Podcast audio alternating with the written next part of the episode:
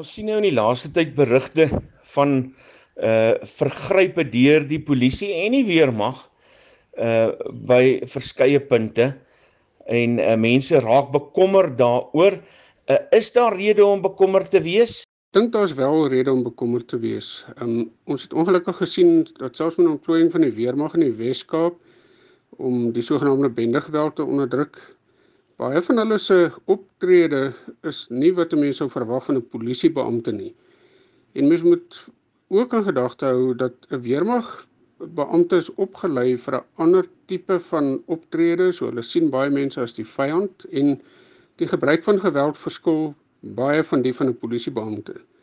In die polisiewet word omskryf wat die pligte van 'n polisiebeampte is, maar dan ook hoe dit uitgevoer moet word, minimum geweld en ook dat die weermag dan wanneer hulle in ondersteuning van die polisie self moet so optree.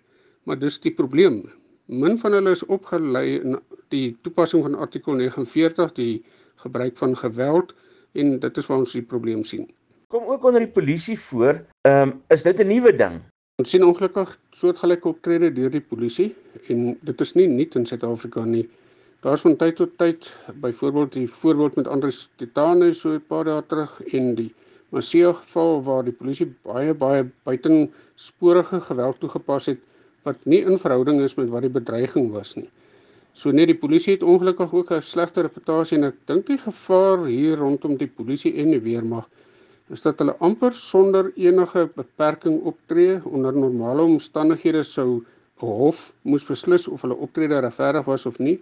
En hierdie grens aan amper optrede van ingevolge 'n noodregulasie waar die polisie optree op 'n manier wat lyk of hulle dink hulle is nie verantwoordbaar teenoor iemand nie.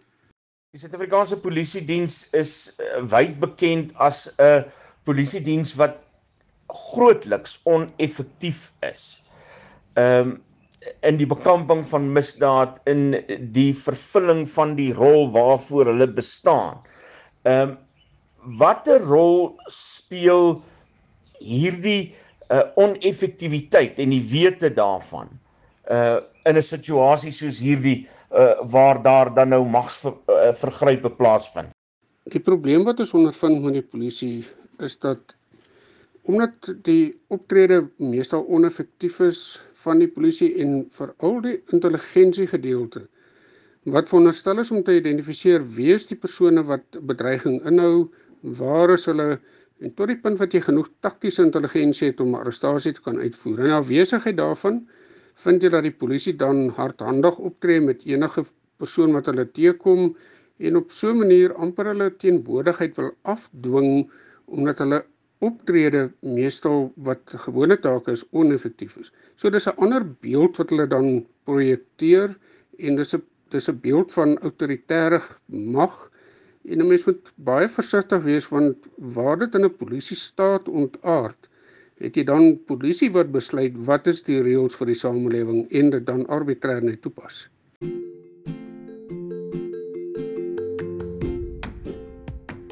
Jy luister na Nuuspot, die tuiste vir Afrikaanse stories agter die nuus. In die advertensie gleef. Maryke se sprokie deur Tosca de Villiers is 'n liefdesroman wat jou laat vergeet van virusse, inperkings en 'n kwynende ekonomie en jou wegvoer na 'n wêreld van liefde, hoop en gelukkige eindes. Dit vertel die verhaal van Maryke wat haar hart op die aantreklike Dr Leon Bosse verloor. Gaan die twee bymekaar uitkom? Jy kan die boek tot einde Mei gratis op Kindle Unlimited lees om uit te vind. Terug na ons program.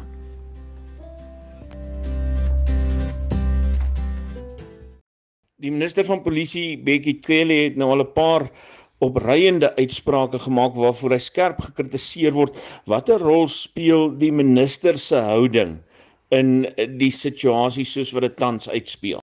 Ek is bevrees dat die minister se houding ehm um, nie op die oomblik 'n goeie invloed het op beide die die publiek of die polisie nie. Dink dit vervreem die publiek van samewerking met die polisie. Mense voel amper asof die, die minister um, onnodige sake wil opper en te ernstig maak in die verbod op die die die verkope van sigarette en alkohol ensovoorts is voorbeelde daarvan. En dan andersins weer die optrede van die polisiebeamptes Selfs in die verlede het mens gesien dat polisiebeamptes meet wat hulle aanbetref wat is die onderliggende boodskap wat 'n minister of die regering sou uitstuur?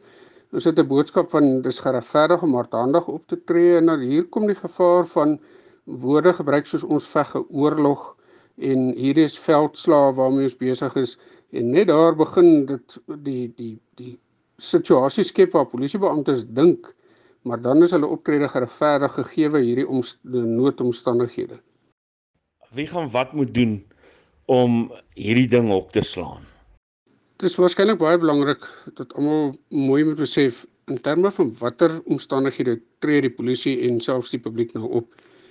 Eerstens is dit baie belangrik om te besef ons tree in gevolge die rampbestuur wet op en nie in gevolge 'n noodtoestand nie. Nou die groot verskil is rampbestuur is die normale polisie reëls geld nog en alles wat wetgewing aanbetref wat wet howe se oorsig aanbetref geld nog steeds. Polisiebeamptes het nou net meer sake om te polisieer, maar hulle het nie meer magte noodwendig gekry nie. Baie beperk in sekere gevalle net op opsigte van deursoeking.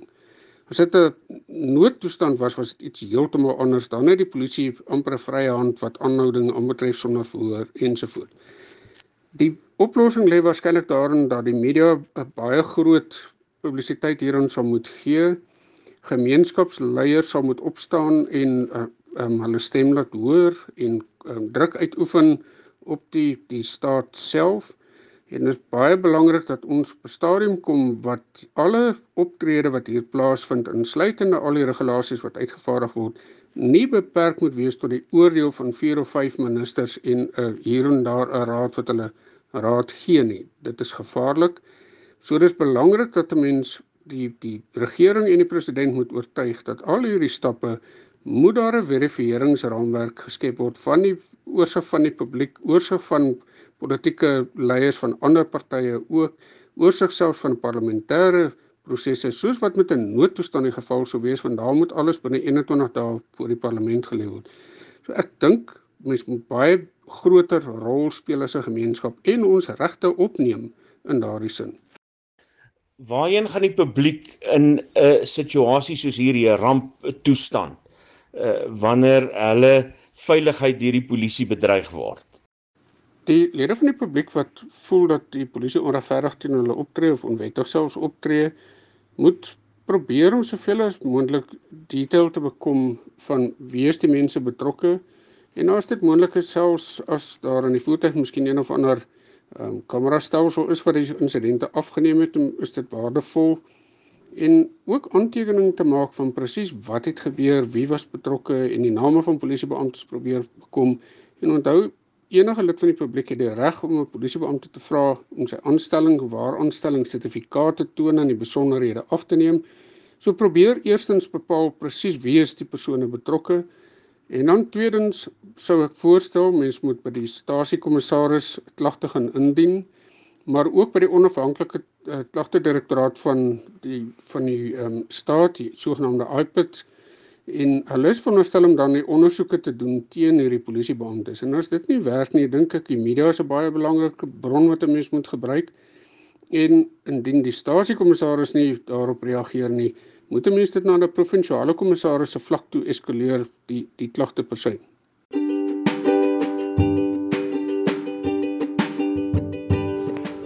Jy luister na Nuuspot, die tuiste vir Afrikaanse stories agter die nuus.